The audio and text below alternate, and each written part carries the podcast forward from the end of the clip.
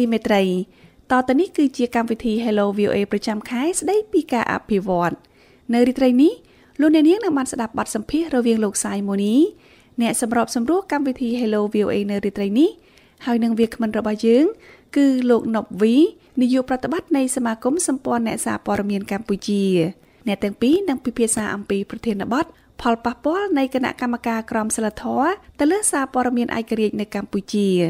ចាស់ហើយដើម្បីទប់ស្កាត់ការឆ្លងរាលដាលជំងឺ Covid-19 ដែលតម្រូវឲ្យបុគ្គលិករបស់ VOA នៅបន្តធ្វើការពីផ្ទះនៅឡើយដូច្នេះយើងមិនអាចទទួលការហៅទូរស័ព្ទសួរសំណួររបស់ប្រិមិត្តជាបណ្ដោះអាសន្នដូច្នេះសូមប្រិមិត្តស្ដាប់បទសម្ភាសន៍នេះទាំងស្រុងដូចតទៅ បាទសូមអរគុណបាទបាទសូមជម្រាបសួរលោកណូវីបាទបាទសូមជម្រាបសួរបាទបាទសូមអរគុណលោកវីដែលបានចំណាយពេលអញ្ជើញចូលរួមនៅក្នុងកម្មវិធី Hello VOA របស់យើងនៅរាត្រីនេះបាទ ដូចយើងបានជម្រាបជូនហើយថាថ្ងៃនេះយើងនឹងជជែកពិភាក្សាគ្នាអំពីផលប៉ះពាល់នៃគណៈកម្មការក្រមសីលធម៌ទៅលើសារព័ត៌មានឯករាជ្យនៅកម្ពុជាបាទដែលមានលោកណូវីជានាយកប្រតិបត្តិនៃសមាគមសម្ព័ន្ធអ្នកសារព័ត៌មានកម្ពុជាជាវាគ្មិនបាទលោកវីកុំឲ្យខាត់ពេលយូរដោយលោកបានជ្រាបស្រាប់ហើយថាក្រសួងព័ត៌មាននៅក្នុងប្រទេសកម្ពុជានឹងថ្មីថ្មីនឹងទើបសម្រេចបង្កើត គណៈកម្មការមួយបាទដែលធ្វើឲ្យមានភាពចម្រូងចម្រាសមានការយល់ផ្សេងផ្សេងគ្នាទៅលើផលប៉ះពាល់នៃគណៈកម្មការនេះទៅលើការអនុវត្តវិជ្ជាជីវៈសារព័ត៌មានដោយឯករាជ្យនៅក្នុងប្រទេសកម្ពុជាលោកអាចជម្រាបជូនលោកអ្នកស្ដាប់យើងបន្តិចបានទេថាតើ ការបង្កើតគណៈកម្មការបែបនេះបាទវាប៉ះពាល់យ៉ាងម៉េចទៅដល់ការអនុវត្តវិជ្ជាជីវៈសារព័ត៌មានដោយឯករាជ្យនៅក្នុងប្រទេសនោះបាទអរគុណលោកសាយមនីសូមជម្រាបសួរដល់ប្រជាពលរដ្ឋគ្រប់រូបដែលកំពុងតែតាមដានស្ដាប់កម្មវិធី Hello VA ផងអឺកាលពីខែសីហាដើមខែសីហា ឆ្នាំ2021នេះគឺក្រសួងព័ត៌មានបានសម្រាប់ឲ្យមានការបង្កើតគណៈកម្មការមួយដែលឲ្យឈ្មោះថាគណៈកម្មការតាមដាន វាយតម្លៃនិងលើកសរសើរការអនុវត្តក្រមសីលធម៌វិជ្ជាជីវៈសារព័ត៌មានក្រោយពេលដែលមានការបង្កើតឲ្យមានគណៈកម្មការនេះយើងបានស្ដាប់ឮអំពីការលើកឡើងការព្រួយបារម្ភមួយចំនួនពីសាធារណជនទូទៅផងហើយអ្នកអ្នកដែលធ្វើការនៅក្នុងវិស័យសារព័ត៌មានផងហើយជាការពិតទោះបីជាសមាគមសម្ព័ន្ធអ្នកសារព័ត៌មានកម្ពុជាកម្ពុជា ដែលត្រូវបានអញ្ជើញឲ្យចូលរួមជាសមាជិកមួយនៅក្នុងចំណោមអង្គការសមាគមអ្នកសារព័ត៌មានអឺចំនួន5ផ្សេងទៀតនៅក្នុងគណៈកម្មការនេះក៏ដោយក៏ប៉ុន្តែក៏យើងបានបង្ហាញអំពីការព្រួយបារម្ភរបស់យើងជុំវិញខ្លឹមសារមួយចំនួននៃសេចក្តីសម្រេចបង្កើតឲ្យមានគណៈកម្មការនេះផងដែរហើយ សំណួរសួរថាតើចំណុចអីដែលជាចំណុចធ្វើឲ្យមានការព្រួយបារម្ភជុំវិញការបង្កើតឲ្យមានគណៈកម្មការនេះអឺចម្លើយគឺថាគណៈកម្មការនេះមានឈ្មោះថាគណៈកម្មការតាមដាន វាយតម្លៃនិងលើកសរសើរការអនុវត្តក្រមសីលធម៌វិជ្ជាជីវៈសារព័ត៌មានបើសិនជាកាលណាយើងនិយាយអំពីគណៈកម្មការតាមដាន តាមដាន គឺសម្រាប់អ្នកសារព័ត៌មាន ជាពាក្យមួយដែលមានលក្ខណៈរសើបចំពោះរឿងពាក្យនៃការតាមដាននេះដោយសារតែយើងដឹងហើយថាការអនុវត្តវិជ្ជាជីវៈសារព័ត៌មាន ជាវិជ្ជាជីវៈសេរី ហើយជាសេរីភាពមួយដែលមានការគ្រប់គ្រងដោយច្បាប់ជាតិនិងច្បាប់អន្តរជាតិ ក៏ដូចជាមានការគ្រប់គ្រងពីរដ្ឋធម្មនុញ្ញដូចជាមាត្រា41នៃរដ្ឋធម្មនុញ្ញក៏បានចែងគ្រប់គ្រងរឿងការអនុវត្តសេរីភាពសារព័ត៌មាននេះផងដែរដូច្នេះការបង្កើតគណៈកម្មការតាមដាននេះធ្វើឲ្យមានការព្រួយបារម្ភថារដ្ឋាភិបាលតាមរយៈក្រសួងព័ត៌មាននឹងតាមដាន ចំពោះការអនុវត្តការងាររបស់អ្នកសារព័ត៌មាននៅពេលដែលការធ្លាក់ចុះនៃសេរីភាពសារព័ត៌មាននៅក្នុងប្រទេសកម្ពុជាយើងហ្នឹងគឺបានបន្តធ្លាក់ចុះជាហូរហែចាប់តាំងពីឆ្នាំ2017រហូតមកដល់ឆ្នាំ2021នេះក៏ដោយអឺចំពោះចំណុចមួយទៀតដែលធ្វើឲ្យមានការលើកពីការព្រួយបារម្ភហើយបើទោះបីជាមានសមាជិកភាពនៃសមាគមសម្ព័ន្ធអ្នកសារព័ត៌មានកម្ពុជាកម្ពុជានៅក្នុងនោះក៏ដោយក៏ប៉ុន្តែវានៅតែជាការព្រួយបារម្ភដោយសារតែយើងឃើញអំពីខ្លឹមសារនៃសេចក្តីសម្រេចនេះនៅក្នុងប្រការមួយដែលចែងអំពីដែលសមាជិកភាពសមាជិកភាពនៃការបង្កើតគណៈកម្មការនេះគឺយើងបានឃើញថាសមាជិកភាពដែលក្រសួងព័ត៌មានបានសម្រេចហ្នឹងគឺមានចំនួន15រូបហើយបើសិនជាយើងពិនិត្យសមាជិកភាពដែលក្នុងចំណោម15រូបនោះគឺយើងបានឃើញថាមានមន្ត្រីមកពីក្រសួងព័ត៌មានហើយនិងមន្ត្រីដែលស្ថិតនៅក្នុងជួររដ្ឋាភិបាលហ្នឹងមានរហូតទៅដល់11រូបទៅហើយនេះអ្វីដែលខ្ញុំបានដឹងហើយបើសិនជាយើងមើលសមាជិកភាពដែលអ្នកមកពីអង្គការសមាគមសារព័ត៌មានយើងឃើញមានតែអង្គការសមាគមសារព័ត៌មានតែ4ទេដែលមិនមានវត្តមានថ្នាក់ដឹកនាំដែលមកពីស្ថាប័នរដ្ឋាភិបាលក្នុងនោះមានដូចជាក្លឹបអ្នកកាសែតកម្ពុជាមានសមាគមសម្ព័ន្ធអ្នកសារព័ត៌មានកម្ពុជា មានសមាគមសារព័ត៌មានខ្មែរប្រជាធិបតេយ្យនិងមានសមាគមមួយទៀតឈ្មោះថាសមាគមការពារអ្នកកាសែតអញ្ចឹងបើសិនជាយើងពិនិត្យអំពីរឿងសមាជិកនៃការបង្កើតគណៈកម្មការនេះគឺយើងឃើញថាលើសលប់មកពីមន្ត្រីនៃក្រសួងព័ត៌មានដូច្នេះហើយទើបមានការលើកឡើងជាសំណួរសួរថា តើសមាគមដែលមិនមានមន្ត្រីរដ្ឋាភិបាលនៅក្នុងហ្នឹងមានដូចខ្ញុំបានលើកឡើង4សមាគមមិញនេះអាចនឹងចូលរួមនៅក្នុងការផ្ដល់យោបល់ចូលរួមនៅក្នុងការកែប្រែឬក៏ចូលរួមនៅក្នុងការលើកឲ្យមានការសម្រេចចិត្តយ៉ាងម៉េចទៅរួចប្រសិនបើនៅក្នុងគោលការណ៍នៃការសម្រេចចិត្តនៅក្នុងការសម្រេចនេះ ក៏បានលើកឡើងដែរថាការសម្រេចចិត្តគឺត្រូវធ្វើឡើងនៅក្នុងសម្លេង50%បូក1បើសិនជា ការសម្រេចចិត្តនៅលើសម្លេង50%បូក1ទៅទៀតវាកាន់តែធ្វើឲ្យមានក្តីកង្វល់ទៅទៀតថារដ្ឋាភិបាលគាត់ចង់សម្រេចចិត្តធ្វើអីក៏បានដែរនៅក្នុងការបង្កើតឲ្យមានគណៈកម្មការតាមដានត្រួតពិនិត្យនិងវាយតម្លៃនិងលើកដំកើងអ្នកសារព័ត៌មាននឹងបាទបាទ ហេតុអីបានជារដ្ឋាភិបាលមិនអនុញ្ញាតឲ្យស្ថាប័នសារព័ត៌មានខ្លួនឯងហ្នឹងបាទជាអ្នករៀបចំអំពី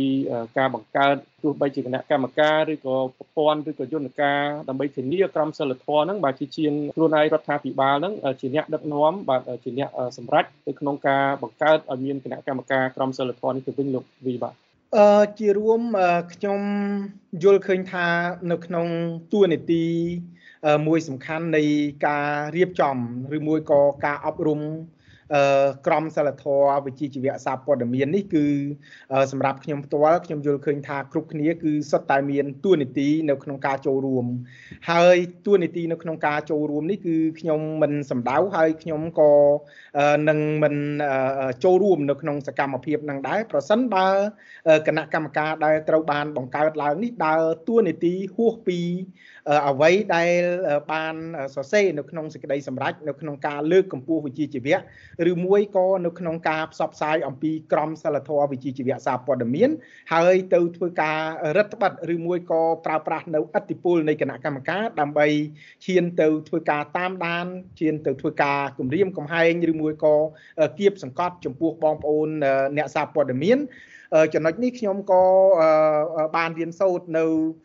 ក្នុងបទពិសោធន៍ខ្ញុំគិតថាវាជាការអនុវត្តមួយល្អដែរនៅក្នុងបណ្ដាប្រទេសមួយចំនួនផងដែរនៅក្នុងបណ្ដាប្រទេសខ្លះគេអត់មានក្រសួងព័ត៌មានផងបាទដូចជានៅអាល្លឺម៉ង់នៅអីគេអត់មានក្រសួងព័ត៌មានផងក៏ប៉ុន្តែគេមានជាក្រមប្រឹក្សាក្រមសិលធម៌កម្រិតជាតិមួយដែលដើរតួនាទីនៅក្នុងការពិនិត្យតាមដានការអនុវត្តក្រមសិលធម៌ជារួមរបស់អ្នកសារព័ត៌មាន ហើយគេបង្កើតឲ្យមានពិន័យគេបង្កើតឲ្យមានពិន័យខ្ញុំគិតថាដូចជាវិជ្ជាជីវៈមេធាវីអីចឹងដូចគ្នាអញ្ចឹង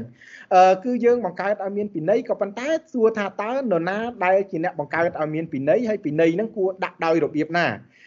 នៅពេលដែលអ្នកសារព័ត៌មានខ្លួនឯងត្រូវបានផ្ដល់វេទិកាត្រូវបានផ្ដល់ឱកាសដើម្បីឲ្យរៀបចំនៅគោលនយោបាយនៅក្រមសិលធម៌វិជ្ជាជីវៈសម្រាប់ខ្លួនឯងហើយខ្លួនឯងមានសិទ្ធិមានអំណាចពេញលេញនៅក្នុងការរៀបចំឬក៏នៅក្នុងការជ្រើសរើសឲ្យមានជាក្រម ក្រមប្រឹក្សាក្រមសិលធម៌ដែលជាតំណាងរបស់ខ្លួនរួមមួយដើម្បីពិនិត្យតាមដានខ្ញុំយល់ឃើញថាវាគឺជាផ្នែកមួយដែលជួយលើកកម្ពស់នៅការអនុវត្តវិជ្ជាជីវៈផងហើយជួយពង្រឹងទៅដល់អ្នកសារព័ត៌មានដែលគាត់មិនមានឱកាសទទួលបាននៅការ ការបណ្ដុះបណ្ដាលត្រឹមត្រូវនៅតាមសាលាសារព័ត៌មានឬមួយក៏គាត់មិនមានឱកាសដើម្បីទទួលបាននៅការបណ្ដុះបណ្ដាលវិជ្ជាជីវៈពីអង្គការស្ថាប័នមួយចំនួនផងអញ្ចឹងនៅក្នុងផ្នែកនេះគឺ មានន័យថាក្រមប្រឹក្សានេះក៏អាចចូលរួមនៅក្នុងការអប់រំនៅក្នុងការបណ្ដុះបណ្ដាលនៅក្នុងការលើកកម្ពស់នៅការចូលរួមរបស់ប្រជាពលរដ្ឋតាមរយៈមធ្យោបាយនៃការคลายទៅជាអ្នកសារព័ត៌មានតាមរយៈការអប់រំការបណ្ដុះបណ្ដាលនិងការលើកកម្ពស់របស់ក្រមប្រឹក្សានេះផងដែរហើយខ្ញុំមើលឃើញថានៅក្នុងការបង្កើតឲ្យមានក្រមប្រឹក្សាឯករាជ្យបែបនេះ នៅក្នុងបណ្ដាប្រទេសនៅតំបន់អាស៊ានយើងក៏មានដែរដូចជានៅឥណ្ឌូនេស៊ីគេមានការរៀបចំឲ្យមានជាក្រុមប្រឹក្សាក្រមសិលធម៌ដូចគ្នាហើយគេមានការរៀបចំដោយដោយមានសមាជិកភាពអឺ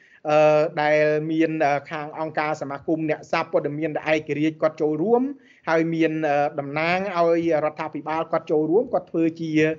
សហប្រធាន ដើម្បីរៀបចំឲ្យមានជាក្រុមប្រឹក្សាកម្រិតជាតិមួយ ដែលមានអំណាចពេញលេញមានទួនាទីគ្រប់គ្រាន់នៅក្នុងការការពារដល់ការអនុវត្តទួនាទីរបស់អ្នកសារព័ត៌មានហើយខ្ញុំគឺយល់ឃើញថាទួនាទីរបស់គណៈកម្មការនេះវាគួរតែចូលរួមនៅក្នុងការ អប់រំទៅដល់យើងអាចនិយាយបានថាអ្នកនាំពាក្យឬមួយក៏អាចនិយាយបានថាមន្ត្រីព័ត៌មានរបស់រដ្ឋាភិបាលដើម្បីឲ្យគាត់បានយល់បានដឹងអំពីទួនាទីអំពីសេរីភាពអំពីសិទ្ធិអំណាចរបស់អ្នកសារព័ត៌មានផងដែរ ធ្វើយ៉ាងម៉េចដើម្បីឲ្យភាគីទាំងអស់គឺគាត់អាចធ្វើកិច្ចការងារនៅក្នុងគោលដៅរួមមួយគឺក្នុងការលើកកម្ពស់នៅកណន័យភាពនៅក្នុងសង្គមតម្លាភាពសង្គមការលុបបំបាត់នៅអំពើពុករលួយហើយនឹងការចូលរួមនៅក្នុងការស្ថាបនាសង្គមយើងបានទាំងអស់គ្នាបាទបាទសូមអរគុណលោកដកពីបាទលោកអ្នកនាងពីនេះលោកអ្នកកំពុងតែតាមដានស្ដាប់ការផ្សាយរបស់វិទ្យុសំឡេងសហរដ្ឋអាមេរិកដែលផ្សាយចេញពីរដ្ឋធានី Washington បាទ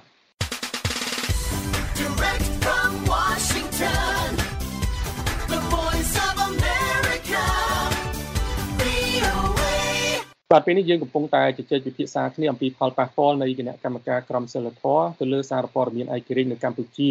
ដែលមានលោកណូវីជានាយកប្រតិបត្តិនៃសមាគមសម្ព័ន្ធអ្នកសារព័ត៌មានកម្ពុជាឬហៅកាត់ថាកម្ពុជាជាវាគ្មិនបាទយើងខ្ញុំសូមអធិស្ឋានលោកអ្នកនាងផងដែលយើងមិនអាចអនុញ្ញាតឲ្យលោកអ្នកនាងសួរសំណួរមកកាន់វាគ្មិនរបស់យើងដោយផ្ទាល់បានដោយសារយើងធ្វើការផ្សាយពីផ្ទះទៅក្នុងគ្រានៃការផ្ទុះជំងឺ Covid-19 បាទលោកវី លោកលើកឡើងអំពីការអនុញ្ញាតឲ្យមានការរៀបចំជាក្រុមប្រឹក្សាក្រមសិលធម៌ឯករាជ្យបាទដោយដែលបណ្ដាប្រទេសមួយចំនួនគេបានធ្វើកន្លងមកពលគឺមិនចង់ឲ្យរដ្ឋាភិបាលនៃប្រទេសរបស់គេនឹងជាអ្នកចាត់ចែងជាអ្នករៀបចំជាអ្នកគ្រប់គ្រងដោយផ្ទាល់ដឹកមុខគឺយ៉ាងហោចណាស់ក៏មានការត្រឹមជាការសហការ ដូចជានៅក្នុងករណីឥណ្ឌូនេស៊ីអញ្ចឹងជាសហប្រធានមានន័យថាជាការរួមចំណែករួមគ្នាធ្វើយ៉ាងម៉េចដើម្បីឲ្យវិស័យសារព័ត៌មាននឹងអាចដំណើរការទៅបានដោយឯករាជ្យស្របទៅតាមស្មារតីនៃរដ្ឋធម្មនុញ្ញដែលធានាសេរីភាពសារព័ត៌មានធានាសេរីភាពនៃគំនិតនៃការបញ្ចេញមតិយោបល់របស់ពលរដ្ឋហេតុអីបានជារដ្ឋាភិបាលកម្ពុជាបាទហាក់ដូចជាចង់នៅគ្រប់គ្រងបាទ វិស័យសារព័ត៌មានហ្នឹងនៅពេលដែលបណ្ដាប្រទេសជាច្រើនដោយដែលលោកលើកឡើងពីខាងដើមហ្នឹងបាទគេមិនមានផងបាទក្រសួងព័ត៌មានហ្នឹងបាទគេទុកឲ្យវិជ្ជាជីវៈនេះត្រូវបានរៀបចំចាត់ចែងដោយស្ថាប័នសារព័ត៌មានខ្លួនឯងដើម្បីធានាឲ្យមានឯករាជ្យភាពពីក្នុងចំណោមពលរដ្ឋដែលបំពេញតួនាទីជាអ្នកសារព័ត៌មានហ្នឹងហើយនេះបានជារដ្ឋាភិបាលហាក់ដូចជានៅតែចង់គ្រប់គ្រងបាទសារព័ត៌មានហ្នឹងលោកវីបាទ អឺដោយលោកមនីបានជ្រាបហើយខ្ញុំគិតថាបងប្អូនប្រជាពលរដ្ឋដែលលោកតាមដានចំពោះអឺការវិវត្តដំណើរការថ្មីថ្មីនៃការរីកចម្រើនបច្ចេកវិទ្យាហើយក៏យើងបានដឹងអំពីព័ត៌មានផ្សេងៗនៅក្នុងពិភពលោកតាមរយៈការចូលរួមរបស់ប្រជាពលរដ្ឋដែរ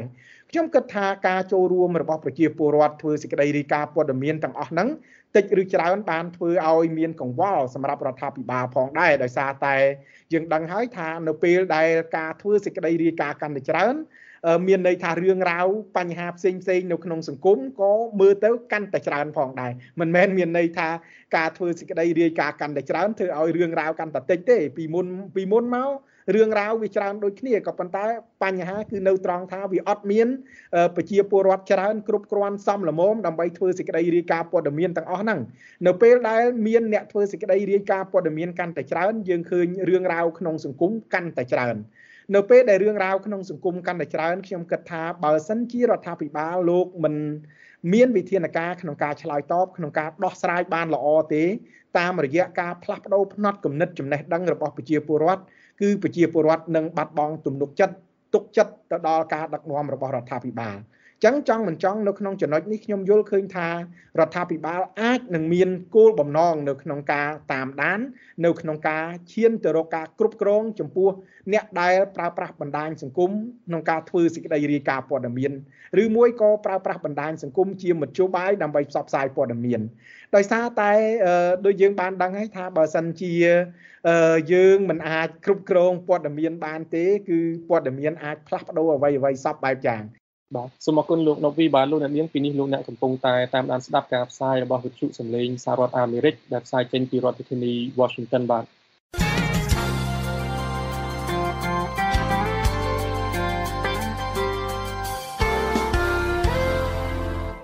បាទឥឡូវនេះយើងកំពុងតែជជែកពិភាក្សាគ្នាជាមួយលោកណុកវីជានាយកប្រតិបត្តិនៃសមាគមសម្ព័ន្ធអ្នកសារព័ត៌មានកម្ពុជាបាទហើយយើងកំពុងនិយាយគ្នាអំពីផលប៉ះពាល់នៃគណៈកម្មការក្រមសីលធម៌របស់រដ្ឋាភិបាល ទៅលើសារព័ត៌មានឯករាជ្យនៅកម្ពុជាបាទខ្ញុំចង់ជម្រាបជូនលោកអ្នកស្ដាប់បន្តិចសិនថាហេតុផលបាទឬក៏អំណះអំណាងរបស់រដ្ឋាភិបាលក្នុងការបង្កើតគណៈកម្មការក្រមសីលធម៌នេះគឺដើម្បីលើកកម្ពស់បាទសមត្ថភាពនិងវិជ្ជាជីវៈសារព័ត៌មាននៅក្នុងប្រទេសកម្ពុជាបាទនៅក្នុងពេលដែលរដ្ឋាភិបាលមើលឃើញការអនុវត្តវិជ្ជាជីវៈសារព័ត៌មានក្នុងចំណោម អ្នកប្រតិបត្តិវិជ្ជាជីវៈនេះនៅក្នុងប្រទេសកម្ពុជានឹងហាក់ដូចជាមានភាពរញ៉េរញ៉ៃឬក៏បង្កឲ្យមានការយល់មិនត្រឹមត្រូវបាទទៅលើវិជ្ជាជីវៈនេះពីសំណាក់ប្រជាពលរដ្ឋមួយចំនួនបាទដោយសារតែហាក់ដូចជាមានសកម្មភាពកាន់តែច្រើនឡើងពីអ្នកផ្សព្វផ្សាយព័ត៌មានតាមបណ្ដាញសង្គមបាទជាច្រើនបាទនេះជាការលើកឡើងអំណះអំណាងរបស់រដ្ឋាភិបាលបាទ ប៉ុន្តែលោកវីលោកមើលឃើញពីស្ថានភាពដែលរដ្ឋាភិបាលលើកឡើងបាទតហិកដែលរដ្ឋាភិបាលលើកឡើងអំណះអំណាងដែលរដ្ឋាភិបាលលើកឡើងហ្នឹងវាឆ្លោះបញ្ចាំងអំពីការអនុវត្តជាក់ស្ដែងកម្រិតប៉ុណ្ណាបាទឬក៏មានចេតនាដោយដែលលោកលើកឡើងពីខាងដើមហ្នឹង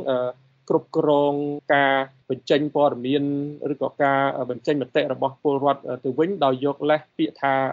លើកកម្ពស់លើកតម្កើងសមត្ថភាពវិជ្ជាជីវៈនិងក្រមសីលធម៌វិជ្ជាជីវៈសារព័ត៌មាននោះបាទអឺចំណុចសំខាន់គឺការអះអាងការលើកឡើងរបស់មន្ត្រីរដ្ឋាភិបាលវាជាផ្នែកមួយអឺហើយវាចាំបាច់ត្រូវការឲ្យមាន ការអនុវត្តសកម្មភាពដើម្បីយកមកគ្រប់គ្រងចំពោះអ្វីដែលរដ្ឋាភិបាលលោកលើកឡើងចំពោះអ្វីដែលមន្ត្រីក្រសួងព័ត៌មានគាត់លើកឡើងចំពោះគោលបំណងជាក់លាក់នៃការបង្កើតឲ្យមានគណៈកម្មការនឹងហើយជារួមដូចអ្វីដែលខ្ញុំបានលើកឡើងខាងដើមអញ្ចឹងថាការព្រួយបារម្ភមិនមែនគ្រាន់តែជាការព្រួយបារម្ភដោយមិនមានហេតុផលច្បាស់លាស់ទេ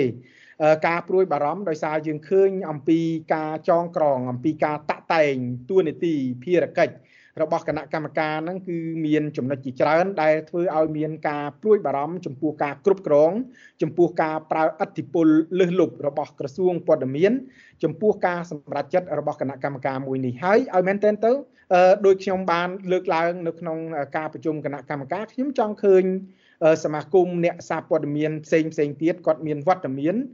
នៅក្នុងគណៈកម្មការនេះទោះបីជាមានការចូលរួមពីអង្គការសមាគមច្រើនក៏ដោយក៏ប៉ុន្តែយោងតាមនីតិវិធីយោងតាមការបង្កើតនៅគណៈកម្មការហើយ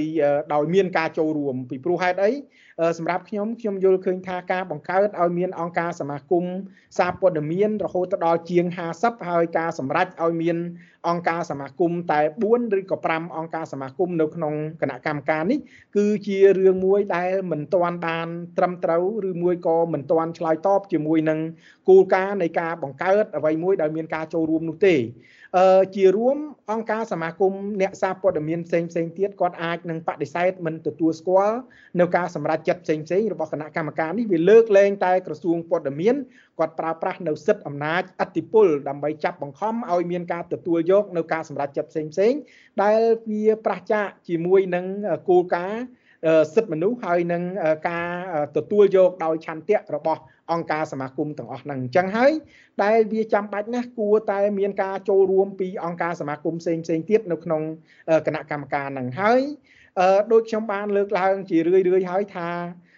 ចំពោះការអះអាង គឺគ្រាន់តែជាផ្នែកមួយទេក៏ប៉ុន្តែការអនុវត្តឬមួយក៏សកម្មភាព វាស្ដែងឡើងយ៉ាងណា គឺវានឹងឆ្លុះបញ្ចាំងចំពោះការអះអាងរបស់មន្ត្រីរដ្ឋាភិបាល ចំពោះអ្នកសមាជិកនៃសមាជិក ដែលលោកអញ្ជើញមកពីខាងក្រសួងព័ត៌មានអញ្ចឹងចំណុចនេះដែលខ្ញុំចេះតែទៀមទាឲ្យមានការចាប់ផ្ដើមពិនិត្យមើលនៅខ្លឹមសារនៃការសម្រេចនេះឡើងវិញហើយយើងពិនិត្យយើងកែលម្អនៅទួនាទីនិងភារកិច្ចដើម្បីធានាថាគណៈកម្មការនេះគឺធ្វើការងារមិនស្ថិតនៅក្រោមអធិបុលរបស់ក្រសួងព័ត៌មាន ហើយនឹងធ្វើកិច្ចការងារដោយមានការគោរពឬមួយក៏ការទទួលយកនៅសម្លេងរបស់អង្គការសមាគមភាគច្រើនអឺឲ្យមែនទែនទៅដូចយើងបានដឹងហើយថាដើម្បីឲ្យ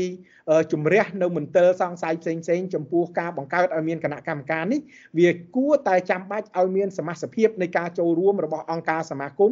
ឬយើងហៅថាសង្គមស៊ីវិលឲ្យបានច្រើនតាមដែលអាចធ្វើទៅបាន ដែលជាសមាជិកនៅក្នុងគណៈកម្មការហ្នឹងដើម្បីឲ្យពួកគេមាន មានឱកាសគ្រប់គ្រាន់ដើម្បីឲ្យយើងមានទួនាទីមានអំណាចគ្រប់គ្រាន់នៅក្នុងការលើកនៅគោលការណ៍ផ្សេងផ្សេងឬមួយក៏ស្នើឲ្យមាន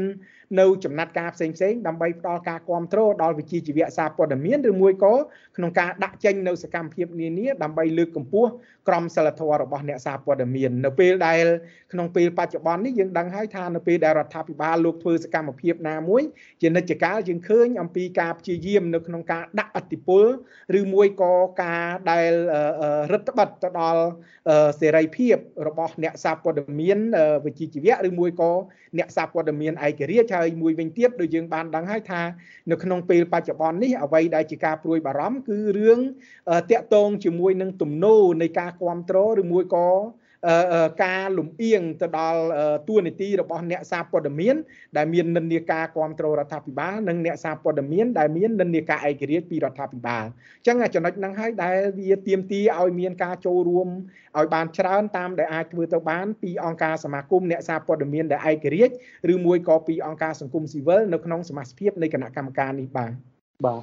សូមអរគុណច្រើនមែនទែនលោកណុកវីបាទដែលបានចូលរួមជាមួយ VOA នៅរាត្រីនេះបាទហើយសូមអរគុណលោកអ្នកនាងដែលបានតាមដានស្ដាប់តាំងពីដើមរហូតមកបាទដោយសារពេលវេលាយើងអស់ហើយខ្ញុំសូមបញ្ចប់កម្មវិធី Hello VOA របស់យើងត្រឹមនេះនិងសូមអរគុណលោកអ្នកនាងដែលបានចូលរួមតាមដានស្ដាប់តាំងពីដើមរហូតមកបាទបើលោកអ្នកនាងខកខានឬក៏ចង់ស្ដាប់កម្មវិធីនេះឡើងវិញសូមចូលទៅកាន់គេហទំព័ររបស់យើងគឺ khmer.voanews.com បាទ សម្រាប់ពេលនេះខ្ញុំសាយមនីអ្នកសម្របសម្រួលកម្មវិធី Hello VOA នៅរាត្រីនេះសូមអរគុណលោកអ្នកនាងនិងលោកណុកប៊ីទៅត្រឹមនេះបាទសូមជម្រាបលាបាទបាទសូមជម្រាបលាបាទ